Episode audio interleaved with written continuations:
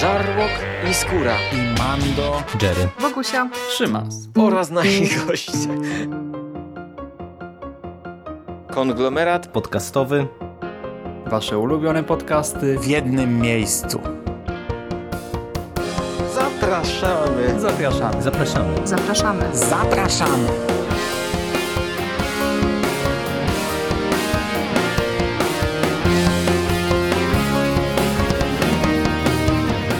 Witam w konglomeracie podcastowym, czyli na platformie, która zbiera wszystkie Wasze ulubione podcasty w jednym miejscu. A po tej stronie mikrofonu witają się z Wami Szymon Cieśliński i Adrian Burz z konglomeratu podcastowego, Cinema Podcastu nawiedzonego podcastu. i pełnej sali. Dokładnie tak. Witamy się z Wami po raz ostatni w ramach tego eventu, tego cyklu relacji na żywo z kolejnych dni Split Film Fest 4 w Lublinie, z czwartej edycji największego festiwalu kina gatunkowego mocno ukierunkowanego na horror w Polsce. I e, mamy niedzielę i wyjątkowo nagrywamy w niedzielę, a nie w poniedziałek, e, dlatego że dla mnie festiwal dobiegł końca. Jesteśmy po dwóch punktach programu z niedzieli. Ale nim przejdziemy do pierwszego, e, to jeszcze wrócimy na chwilę do czwartku, do piątku, do dachy, do piątku. Mhm, tak, Dachra w piątek. E, A wrócimy dlatego, że obiecaliśmy Wam o czymś wspomnieć i o tym zapomnieliśmy ostatecznie.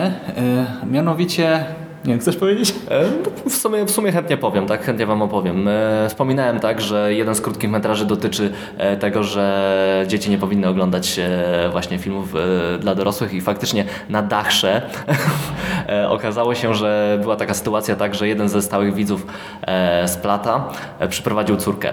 E, Ponoć mniej więcej dziesięcioletnią córkę i tak, e, no i w, w zasadzie e, to było dla nas dość, dość niezwykłe. Monika no, stwierdziła, że co jak co, na jakikolwiek film, e, to jednak e, dziewczynka nie powinna akurat Dachrę oglądać. No.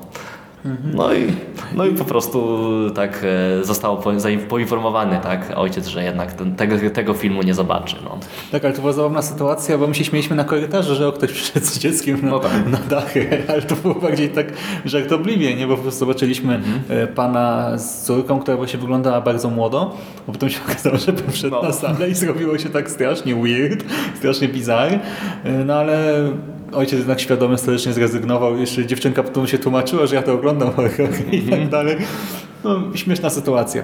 Tak. I w sumie zrobił nam się Subway naturalny, bo dzisiejszy dzień rozpoczął się właśnie od bloku dla dzieci i od filmu Przyjaciel Wesołego Diabła, czyli adaptacji powieści Kornela Makuszyńskiego, który pewnie też kojarzycie, nie wiem, chociażby z Szatana z siódmej klasy, y, czy z Awantury o Basie.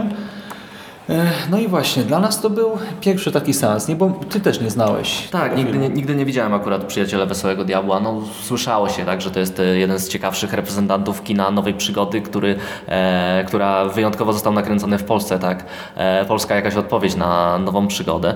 No ale no, nigdy nie miałem okazji zobaczyć. Widziałem tylko jakieś screeny, widziałem jak e, wygląda ten diabeł. Jak on, jak on się nazywa? Kurde, już mi, już mi wyleciało. Piszczałka nagrywałka. Tak, piszczałka nagrywałka.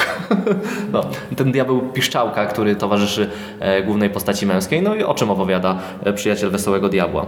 No, O przygodnictwie. o przygodnictwie? E, niejako tak. E, w sensie mamy tutaj Franciszka Pieczkę, który gra takiego no, mieszkańca, mieszkańca takiego pustkowia, który znajduje w środku lasu dziecko. No i wychowuje je w tym te, takim świecie fantazy, gdzie dużo niezwykłych rzeczy się zdarza. No i w zasadzie do, dochodzi do tego, że gdy chłopiec już, gdy, to dziecko już dorasta, jest już chłopcem, e, no to dochodzi do sytuacji, w której e, no, wy- wynika jakaś klątwa, tak? E, Pieczka traci wzrok, e, postać grana przez niego traci wzrok, a sam chłopiec e, zaprzysięga się tak jakby niejako ciemnym siłom, Znaczy, że... zostaje niejako sprowokowany, tak? No w pewnym, w pewnym sensie A tak. się do tego zmuszony, po prostu słyszy jakiś mroczny głos, który mu mówi, że albo podejmie się niewykonalnej misji y, i być może w ten sposób uratuje ojca, znaczy przywróci mu wzrok, albo doprowadzi do śmierci. Tegoż, więc w sumie to nie ma za bardzo wyjścia, tak? Tak, no w zasadzie tu, są, tu jest mnóstwo deus ex machiny, które jakoś tam wpływają, tak, przeznaczenie działa e, i wpływa na głównych bohaterów.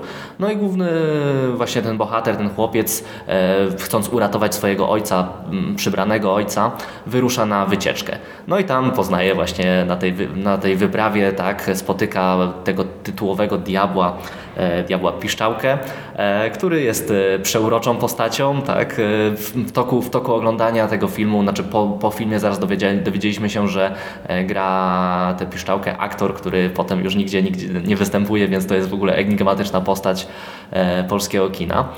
No, sam film jak? no. E, Film, no nie- nietypowy, zabawnie się ogląda po latach.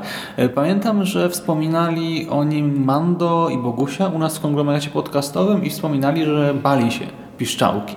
Ja teraz, no oczywiście jako dorosły widz, piszczałki się nie boję, bo to jest jednak raczej sympatyczna postać, pozytywna, e, jakoś tam zwariowana, ma ten swój idiolekt bardzo zabawny, e, to, to, to jego pogadactwo, tak, cały czas właśnie tworzy te neologizmy i no dla mnie jeszcze, wiesz, dla filologa to w ogóle jest świetna zabawa językiem tutaj na ekranie. E, Do tego nasz diabeł wygląda trochę jak jakiś ork, czy mały troll, czy coś w związku z tym. e, No, przez, to, przesympatycznie wygląda w sumie, tak? E, No, więc jest bardziej, bardziej śmieszny na, niż jakiś, jakiś straszny. I w drugą stronę nawet e, powiedziałbym, że ten jego towarzysz, ten chłopiec, który wyrusza z nim na, na przygodę, e, to mnie jakoś irytował, bo w zasadzie cały czas e, tak wyśmiewał się z tego naszego diabła i to była jakaś, jakaś taka postać w tej relacji e, negatywna, e, jakoś tam mnie denerwująca. Dominująca. Tak, dominująca. No. W zasadzie odezwało się nawet we mnie dziecko, nie? że czemu, czemu chłopiec tak się zachowuje wobec e, tak przyjaznej, tak e, uroczej postaci. Znaczy nie, no jak ja takiego dysonansu nie miałem, ale właśnie kończąc wątek e, strachu, tak jak diabeł e, w sumie no, przyjąłem go raczej z uśmiechem na ustach, tak ten świat przedstawiony i te kolejne przygody, no to to w sumie jest trochę creepy, bo nasz bohater e, tak, no nie wchodząc w szczegóły, chociaż zresztą to jest tak stare dzieło, że też nie przesadzajmy z lękiem o spoilery, no przeżywa najróżniejsze przygody i musi zmagać się z najróżniejszymi lękami. Po pierwsze jakieś tam nocne wojaże, tak, bo on zmierza w kierunku zachodzącego słońca, przeprawienie się przez e, wzburzone morze, walka z olbrzymami, potem nie wiem, zostaje uratowany przez jakieś bractwo karłów, e, następnie napotyka na ludzi cienia, co, którzy wyglądają troszkę jak e, lekarze w trakcie epidemii dżumy w średniowieczu, tylko że zamiast tych kruczych działów mają maski gazowe na twarzach, ale poza tym no to tacy droidzi w czarnych szatach z tymi maskami gazowymi. Zresztą olbrzymy no, uzyskały swoje kostiumy w, sklep, w sex shopie, tak? bo to są dosłownie rekwizyty BDSM. Oni mają jakieś kneble na ciele, jakieś łańcuchy, skórki, e, pieszczochy i to wygląda bardzo niepokojąco dla dorosłego Tak. widza. Znaczy dziecko pewnie w ogóle nie będzie miało takich skojarzeń, ale jak ja to zobaczyłem, zresztą nawet na siebie spojrzeliśmy, tak jak my raczej No. na seansach nie utrzymujemy kontaktu wzrokowego, to był taki moment, Boże, co, na co my patrzymy. I ten świat jest niepokojący, przecież ci ludzie cienia, oni płoną żywcem i to jest jeszcze tak długa sekwencja. Ja sobie pomyślałem, jakbym jako dziecko zobaczył, że 30 osób płonie po kolei żywcem. Wiadomo, ten efekt może jest kiepski, no ale na, dla wyobraźni dziecka to myślę wystarczy. Ja bym potem nie spał po nocach. No tak, plus y, ja zwróciłem uwagę, nie, że gdzieś tutaj na początku samym e, główni bohaterowie e, tak przemieszczają się konno, mają, mają konia w swoim gospodarstwie i ten koń ginie od uderzenia pioruna, co, co, co w ogóle już na samym początku tak e, mamy zetknięcie ze śmiercią i nawet zauważyłem, że reakcje wśród dzieci na sali, bo Tak ktoś płakał, a Tak. kilka osób zaczęło właśnie tam się odzywać, też piszczeć, tak. I tak, mamo konik. No, więc y, jak sam mówię, że film obudził we mnie jakieś wewnętrzne dziecko, bo nawet y, tak pojawienie się pająka i jakaś tam arachnofobia, która we mnie e, drzemie, no to, Właśnie. to zadziałało. Y, Nie tylko pająka, to był gigantyczny pająk strzelający laserami z oczu w mrocznej jaskini, po której biegają właśnie no, ci psychopaci, ci w maskach gazowych. No. Tak, no, ale my tu śmieszkujemy, że, w, że to jest takie kiczowate, dziwne i też przerażające, ale jako reprezentant polskiej nowej przygody powiem szczerze, że idealnie wpasowuje się w ten klimat, dostarcza mnóstwa zabawy, te przygody są bardzo płynne i mnóstwo efektów specjalnych, które tam zastosowano, no to okazują się super, nie? Jak na polskie e, warunki lata 80., to one wręcz e, są na poziomie niektórych e, filmów amerykańskich z tego, z tego nurtu. A kilka gadżetów elementów, przedmiotów, na przykład ten widelec, którym się posługują, tak taki wielgachny widelec, który, którym, z którym podróżują, no to to już powinno przejść w ogóle do, do historii polskiego kina, nie tylko sam, sam Diabeł Piszczałkę, który e, też e, jest postacią mega charakterystyczną. Więc e, szczerze bawiłem się świetnie, to, był, to było dla mnie mega zaskoczenie. E, bardzo się cieszę, że w ogóle wprowadzono tutaj taką sekcję filmów dla dzieci. Mhm, Formalnie to jest oczywiście zupełnie inny kino niż na przykład Akademia Pana Kleksa i tutaj Mhm. właśnie czasem, znaczy niektóre efekty mi się bardzo podobały, niektóre no, czuć tutaj niedostatki, ale jakby nie patrzeć, zabawa była przednia i cieszę się, że to zobaczyłem, bo y, no, świetna rzecz, szkoda, że to przegapiłem w dzieciństwie, czy szkoda, no w sumie tak jak mówię, tak zobaczył No tak. tych płonących ludzi i tego pająka w młodym wieku, to nie wiem, jakbym zareagował, ale nie, tutaj reakcje były pozytywne i też ym, Tutaj na splet y, nie zawsze jest ten zwyczaj klaskania, tak? Jak, Mhm. właśnie, jak ja, mi się coś bardzo podoba, albo jak po prostu mi się przypomni, to klaszczę pod koniec i to się roznosi. I też dzieciaki jak zaczęły klaskać, to nie chciały przestać potem. Y, I też na korytarzu słyszałem jedną rodzinkę, jak tam właśnie dzieci sobie dalej y, z rodzicami, jedno z mamą, drugie z tatą wypytywało, różne rzeczy opowiadało. Druga rodzinka na dole znowu też, tam dzieci mówiły, że super, że bardzo dobrze się bawiły. Ktoś tam powiedział, że strasznie było, ale też tak już na spokojnie po seansie, wiadomo, ten bezpieczny strach w kinie, więc myślę, że młodzi widzowie też byli zadowoleni. Świetna sprawa i też y, tych dzieciaczków było sporo, mam wrażenie. No naliczyłem gdzieś tak 20, coś, coś tak, nie? Mhm, Bo tam jeszcze z przodu na tych pufach było, jak ja wyszedłem, miałem przyjemność zapowiedzieć seans. Tak, to, to też trzeba zwrócić uwagę, tak. Szymas był prelegentem przed tym. No i Tylko dowiedziałem się na minutę przed i szczerze mówiąc, jak wyszedłem na środek, to nagle mnie taki stres złapał. Ale poradziłeś sobie, tak? To dzięki, to dobrze.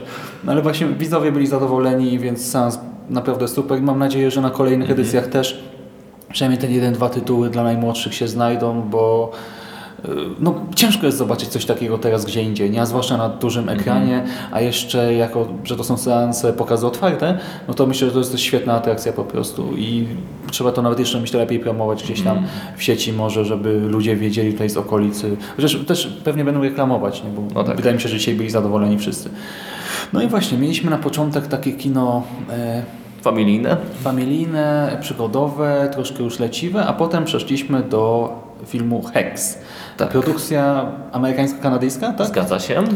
E, która nie jest adaptacją tej powieści Hex, która była bardzo popularna w ubiegłym roku i nawet była tam w różnych topkach najlepszych e, książek grozy wydanych w Polsce, bo tak początkowo myślałem, nie, to jest e, po prostu jakaś tam autorska historia, która nas przenosi do Kambodży i prezentuje relacje dwójki osób, właśnie dwójki Bostończyków, kobiety i mężczyzny. Mężczyzna e, próbuje poderwać tam atrakcyjną kobietę. Ona początkowo go troszkę zbywa, no ale potem jednak umawiają się jakiegoś drinka e, i ich re relacja się troszkę zacieśnia. Mamy tytuł Hex, więc wiadomo spodziewamy się jakiejś wiedźmy, ale to nie jest historia e, z, z tych najprostszych, tak? czyli że po prostu kobieta jest zwodniczą femme fatale, jakąś wampirzycą, wiedźmą, która szuka kolejnej ofiary. Nie, to jest trochę bardziej skomplikowana opowieść, e, przy czym stricte kino gatunkowe, rozgrywkowe, nie nastawione na jakiś komentarz społeczny, e, czy nie, nie szczególnie orientalne też, bo chociaż akcja rozgrywa się w Kambodży, to jednak właśnie bohaterowie są Amerykanami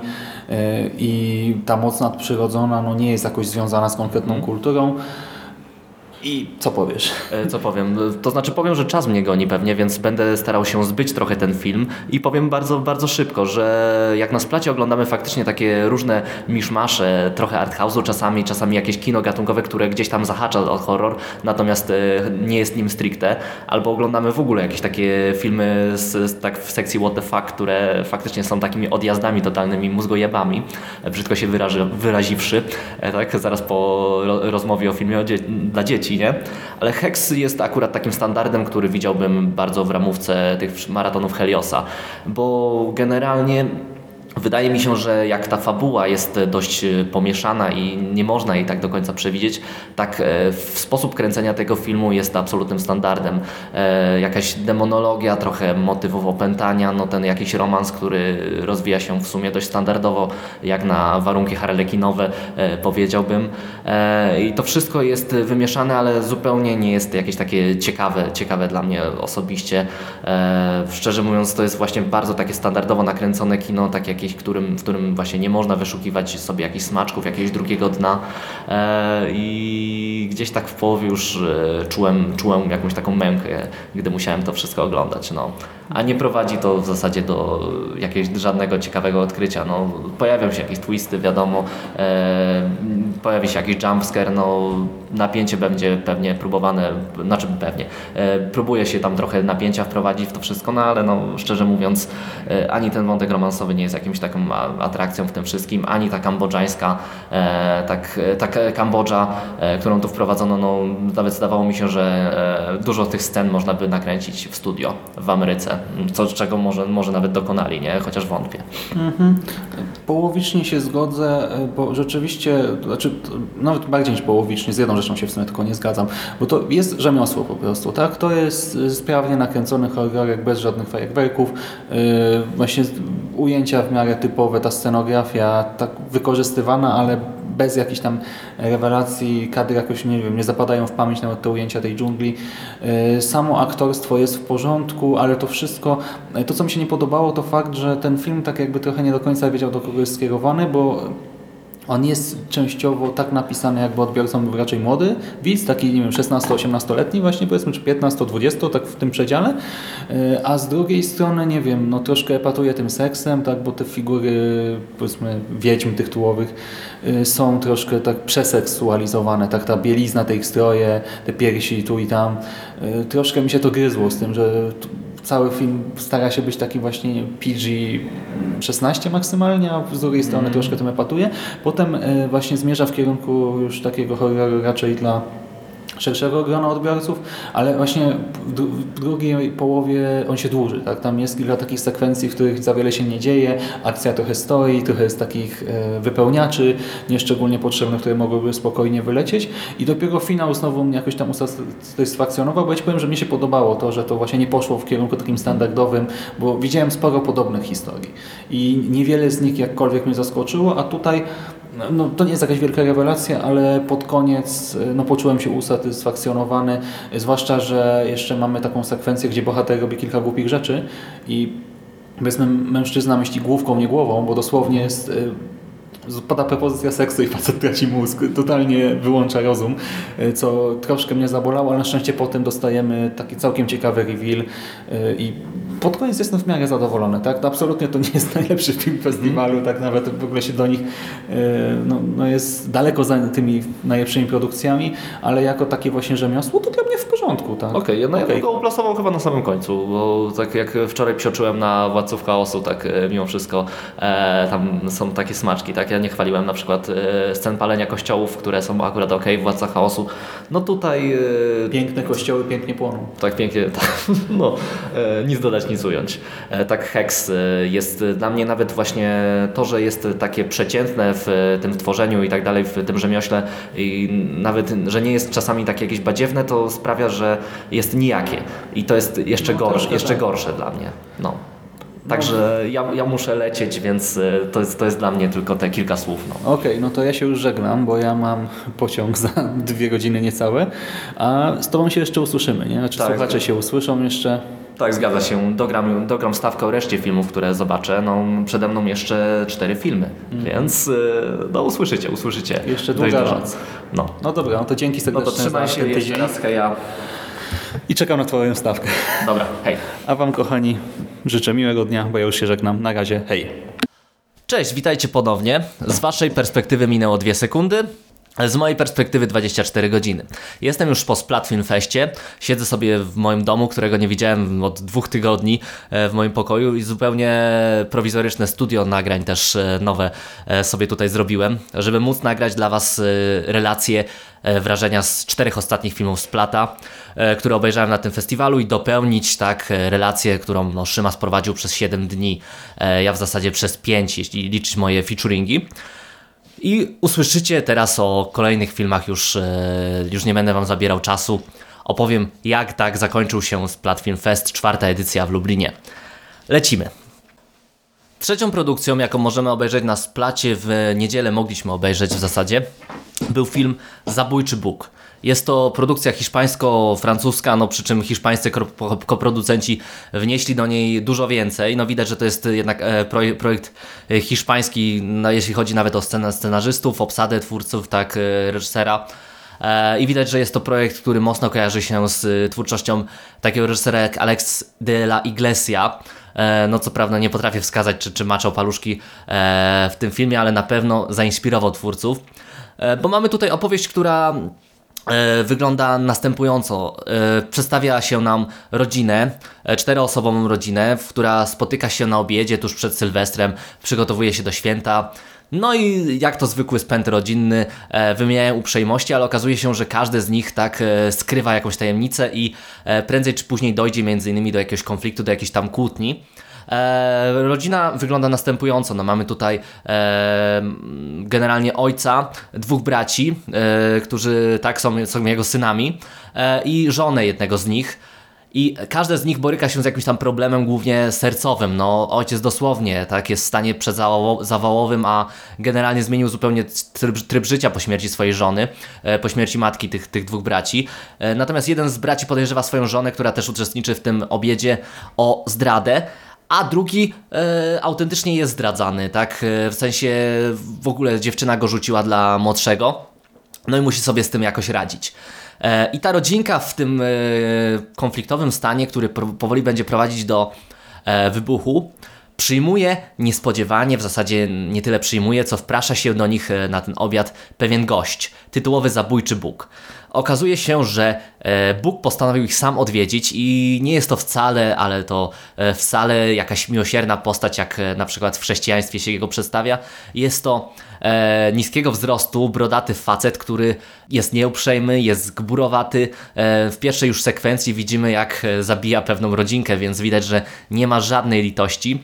I postanawia on, żeby tej naszej rodzinie głównych bohaterów dać pewne ultimatum, e, pewną propozycję.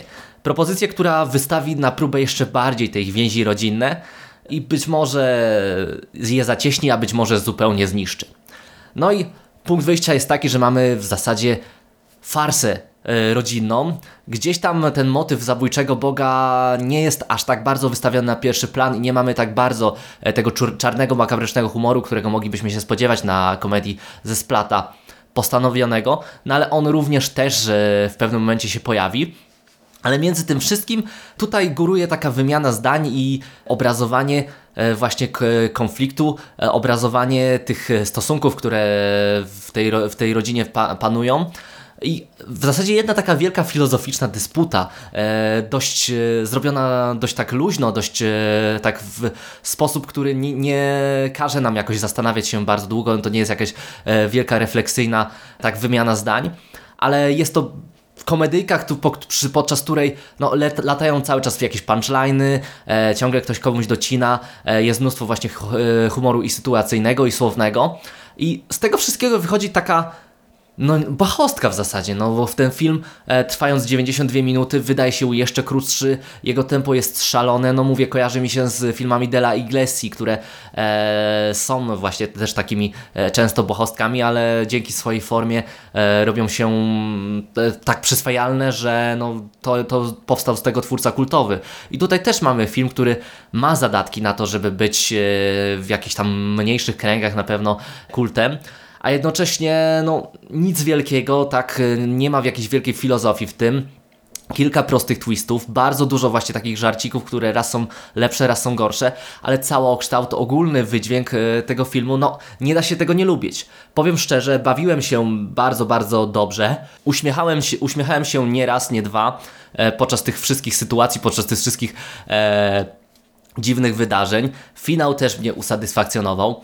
I ja, to, ja ten film szczerze polecam, przy czym e, zdaję sobie sprawę, że o wielkim kinie nie ma mowy. E, nie ma mowy tutaj o jakimś poważniejszym e, temacie, poważniejszym pomyśle, ale szczerze, jak czytałem nawet opis do tego filmu, to spodziewałem się najgorszej rzeczy na splacie, a tutaj pozytywne zaskoczenie. No, cóż, nie mam prawa narzekać. Kolejny seans, jaki mam tutaj do omówienia, to film Wilkołak Adriana Panka. Utwór, który został nagrodzony w tym roku w Gdyni e, który zwrócił na siebie uwagę, dlatego że jest polskim reprezentantem horroru. no coś, czego nie spotyka się często, a we współczesnym kinie wręcz e, no, bardzo, bardzo rzadko. No, jeśli chodzi o przypadki polskich współczesnych horrorów, to jakoś tak e, wybija się na przykład Jagoda Szelc ze swoimi filmami Wieża Jasny Dzień i Monument. Oba są dość mrocznym kinem grozy, pierwszy bardziej arthouse'owy, drugi bardziej tradycyjne podejście do gatunku. Ale no, Wilkołak też nie jest e, takim czystym horrorem. Jest opowieścią o dzieciach, które uci- uciekają, tak w zasadzie nie, tyle uciekają, co e, podczas wyzwolenia obozu Gross-Rosen trafiają do takiej chatki, gdzie mają przeczekać w środku lasu. E, to się dzieje w Górach Sowich. E, I tę te chatkę w pewnym momencie otacza sfora psów. Psów, które również uciekły tak z obozu koncentracyjnego podczas wyzwolenia, kiedy hitlerowcy tak się wycofywali. I te psy e, są wściekłe i zagryzają tak wszystkich wokół. No i dzieciaki muszą się schronić w tym domku, przeczekać całą sytuację, poradzić sobie z tą sytuacją. No oczywiście e, ich problemem jest również głód, jest również tak e, narastająca klaustrofobia, świadomość, że nie wiadomo, czy ktoś przyjdzie po nich i im pomoże. W tym wypadku mamy do czynienia, owszem, z teoretycznie z horrorem, który może się gdzieś tam kojarzyć z kinem Animal Attack. E, no, w tym wypadku jest tak, jest tak, że faktycznie ten, to kino muska, ten gatunek, no ale mamy również do czynienia z filmem wojennym, dramatem wojennym, gdzie grupka dzieci musi sobie radzić po pierwsze w rzeczywistości poobozowej, po wyjściu e, z danej rzeczywistości w nowej sytuacji. Musi sobie radzić z zagrożeniem e, na podstawie rzeczy, które gdzieś tam się już nauczyli. E, zagrożenie jest zupełnie nowe. No i między tym wszystkim jest jeszcze to, co zazwyczaj e, się dzieje, gdy zamkniemy jakieś, właśnie jakąś małą społeczność w domu, w jakiejś, w jakiejś mrocznej sytuacji. No tu mieliśmy, to mieliśmy już w Nocy Żywych Trupów. Mianowicie te dzieciaki wzajemnie dochodzi między nimi, nimi również do konfliktu. Muszą sobie radzić jakoś ze sobą żyć, a no osób dorosłych, tak, e, no, mamy przez dosłownie chwilę e, tylko jedną osobę dorosłą, która ich wszystkich ogarnia, a po pewnym czasie muszą sobie stworzyć, tak, dowódców jakiś muszą sobie stworzyć jakąś hierarchię działania, bo inaczej nie będą w stanie funkcjonować. I powiem Wam szczerze, że jak spodziewałem się zresztą e, po filmie, który był nagrodzony na festiwalu w Gdyni, jakiegoś jednak odjazdu w stronę arthouse'u e, i takiego cichego, powolnego kina, e, tak e, rozwieje Wasze wątpliwości i fani kina gatunkowego będą wilkołakiem, e, no może nie zachwyceni, ale na pewno zadowoleni. Bo mamy w 100% podejście do gatunkowe do tego kina. Napięcie, otoczenie przez psy, e, sytuacje, gdzie narasta właśnie takie stłamszenie e, tych bohaterów e, w, mniejszej, w mniejszym miejscu, zagrożenie się powiększa, są, udaje się dostawać do, na kolejne miejsca w tym domu. Niektóre właśnie też miejsca są odcięte i trzeba będzie jakoś, jakoś dojść z jednego do drugiego. No mamy ciągle to zagrożenie głodem. Cały czas napięcie, które eskaluje w tym filmie jest obecne. I e, survivalowość e, filmu no, jest widoczna na pierwszy rzut oka. Więc jeżeli e, liczycie na właśnie pełen e, suspensu film, e, tutaj się zupełnie nie zawiedziecie.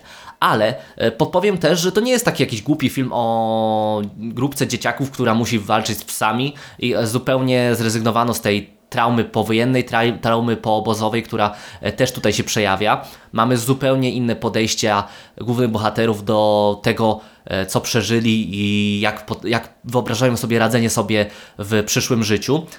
I e, powiem szczerze, że jestem zadowolony, że mimo, że to nie jest jakieś głębokie kino psychologiczne, że to nie jest jakiś wielki rys, e, że tutaj reżyser też nie, nie silił się na to, żeby jakoś tam dramat jednostek postawić na pierwszym planie, bo wydaje mi się, że on gdzieś tam jest trochę ukryty, to jednak zabrał się za to, e, zabrał się za to z zamysłem, wiedział jak wyodrębnić niektóre postacie, żeby opowiedzieć o nich coś więcej, e, żeby opowiedzieć o trochę bardziej skomplikowanych problemach. E, W to wszystko włożył konflikt i postawy poobozowe są różne i zawsze jakoś wywołają, zaogniają jakieś tam e, starcie między dzieciakami, ale zrobiono to z głową, zrobiono to z pomysłem i te 88 minut, które trwa film, no to minęło mi raz, dwa, szybciutko i Mówiąc e, tak szczerze, właśnie też w napięciu, w świadomości, że to jest film pięknie nakręcony, pięknie udźwiękowiony, nie brak tutaj i jumpscarów, nie brak tutaj i e, jakichś takich bardziej e, wysmakowanych scen. kino skrojone na dobrą miarę. Myślę, że warto akurat takie, tak, na takie polskie kino iść cieszę się, że w ogóle taka produkcja trafiła na splat. E, No powiem nawet szczerze, bez owijania w bawełnę, że to jest jeden z lepszych filmów, które tutaj oglądałem. Więc e, idźcie na to, jeśli będzie już film dystrybucji, a podejrzewam, że będzie, no bo e, głupio by było, gdyby ominął e, polskich dystrybutorów, no to warto się wybrać. Zmierzamy powoli do końca naszego, naszej relacji, naszego dziennika e, ostatniego dnia, bo więc, bowiem e, zamknięciem festiwalu będzie dwie części filmu Najlepsi Przyjaciele. E, utworu w reżyserii e, pana Justina McGregora, ale napisanego przez Grega Ste- Sestero. Czyli już tutaj jest sugestia, tak, e, z czym mamy do czynienia. Mianowicie Greg Sestero, jakby ktoś nie pamiętał, to jest e, drugi aktor, e, rola w zasadzie równie ważna jak, jak sam Tommy Wiseau w legendarnym filmie The Room. E, I tutaj Najlepsi Przyjaciele to kolejny projekt, w którym Tommy Wiseau i Greg Sestero się spotykają. I tutaj mamy taki projekt, który w zasadzie jest kolejnym po Disaster Artist, y, książce Grega Sestero, próbą opowiedzenia o tej nietypowej przyjaźni e, Tommy, z Tommy Wiseau. No, opowieść dotyczy bezdomnego. Tutaj gra go właśnie Greg, e, który błąka się po ulicach, e, który żyje za jakieś drobne, e, zajmuje się generalnie właśnie tak mieszkaniem na ulicy, e, przeszukiwaniem śmieci, no żebractwo to jego główne zajęcie. I pewnego dnia spotyka e, osobę, osobowość, którą gra właśnie Tommy Wiseau. Jest to osoba prowadząca zakład pogrzebowy, ale taki nie, nietypowy zakład pogrzebowy, bo prócz e, typowych rzeczy, które zwiążą się tak z przygotowaniem zwłok, do pogrzebu, no to e, Tommy również skupia się na e, takich dość mocno zmasakrowanych zwłokach, dość mocno e, również takich pokaleczonych zwłokach i stara się, żeby dostosować je do tego pogrzebu, żeby były jeszcze piękniejsze niż za życia, co brzmi trochę, trochę upiornie, trochę dziwnie, ale no chodzi o to, że to jest specjalista od dawania pięknych twarzy, dosłownie zakładam, zakładania masek tym ciałom podczas pogrzebu, I że Greg, gdy spotyka tego, tego tajemniczego jegomościa, no to ten jegomość proponuje mu pracę. E, I razem zaczynają prowadzić ten zakład pogrzebowy. No ale mm, tak, to kto się, kto się czubi, ten się lubi. Ten tytuł już tak znamienny bez friends, bez friends, e, w zależności od tego, jak, jak go przeczytamy. Najlepsi przyjaciele bądź najlepsi nieprzyjaciele no to e, pokaże nam, że e, generalnie relacja pomiędzy dwoma bohaterami nie będzie taka kolorowa, nie będzie taka jasna. E, w pewnym momencie przerodzi się to wszystko w thriller, przerodzi się to wszystko w jakąś taką sensacyjną intrygę, e, do której wejdą gangsterzy.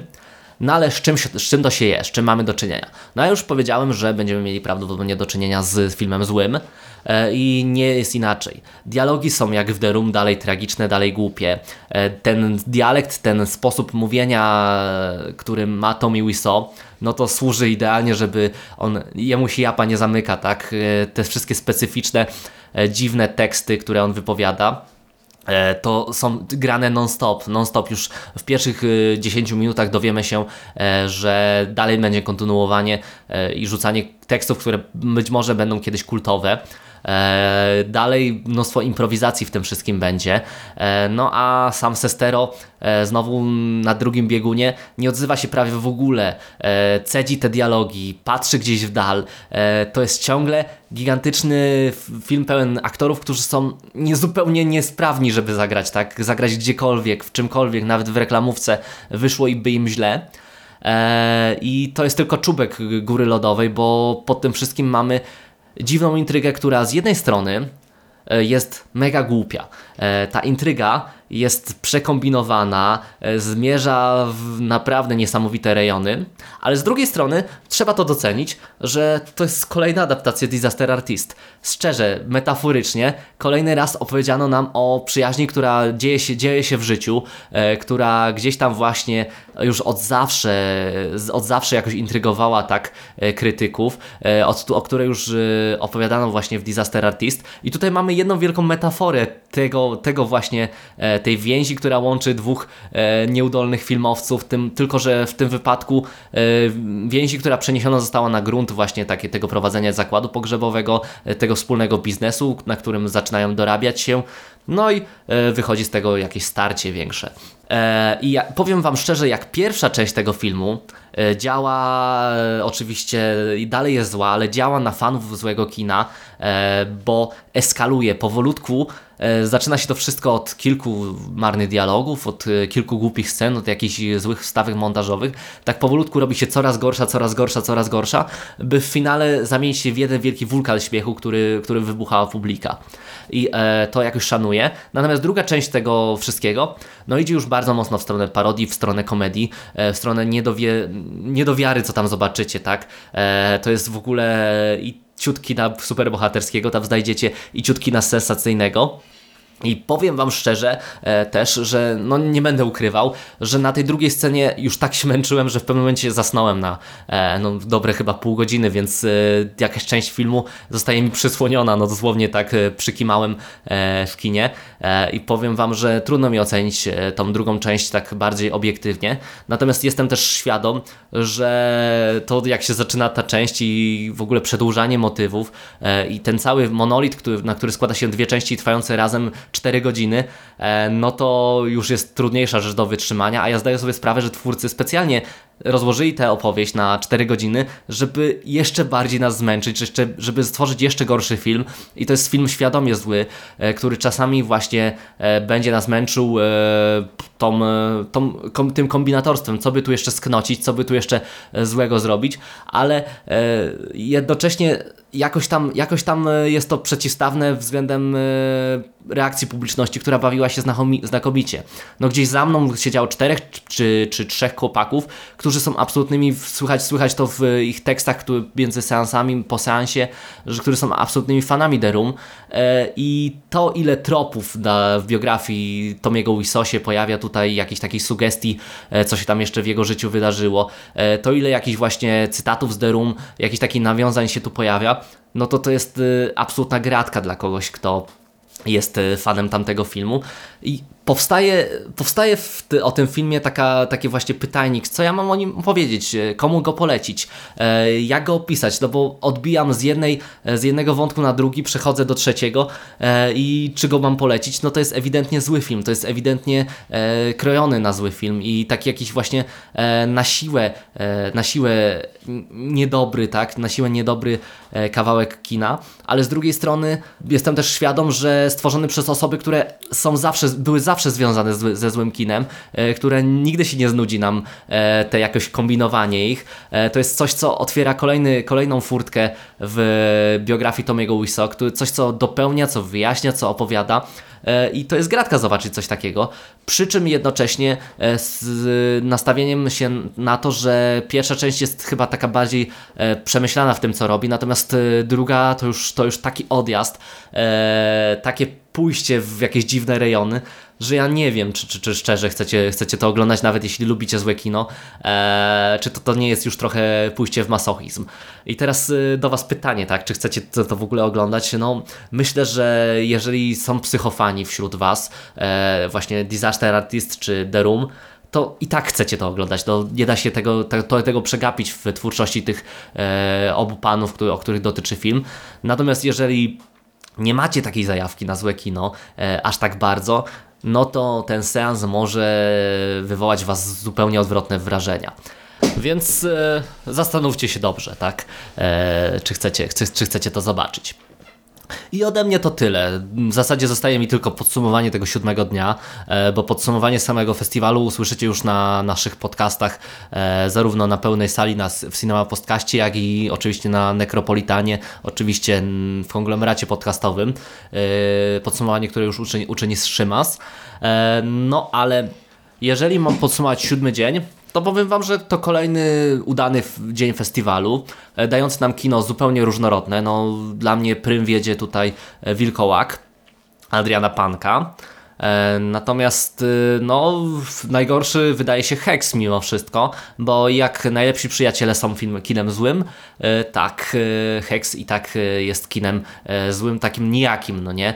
To co powiedziałem, że niejakość jednak wywołuje mniejsze emocje niż jakość, która jakoś tam dają nam najlepsi przyjaciele. Jakość w sensie, jakość w sensie, że jest ten film jakiś, a nie, że jest jakościowo dobry. No. I to tyle ode mnie. No, pozostaje mi w takim razie się z Wami pożegnać. Dzięki, że słuchaliście tych naszych relacji. E, przetrwaliście w ogóle taki właśnie wielki event. E, Sam jestem pełen podziwu dla siebie, że to przetrwałem, chociaż no mówię, że przykimałem w pewnym momencie na seansach, więc e, zmęczenie już sięgnęło zenitu. Teraz rozmawiam już do Was i mówię już do Was wypoczęty.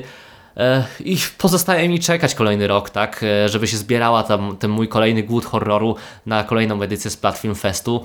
Mam nadzieję, że uda mi się, chociaż to jest, no nie jest pewne, ale mam leciutką nadzieję, że uda mi się jednak wpaść do Warszawy na warszawską edycję i zobaczyć chociaż coś, co tam, co z tych atrakcji, które, e, których Lublin nie miał.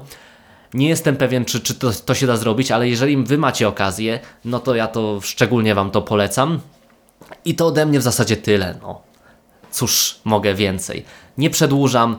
Dzięki, że byliście z nami. Słuchajcie dobrych podcastów, czyli naszych również. Trzymajcie się. Hej! Czytał Maciej Gudowski.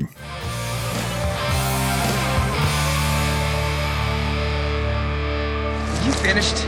That's it, man. Game over, man. It's game over. What the fuck are we gonna do now? What are we gonna do? It's over. Nothing is over! Nothing! You just don't turn it off!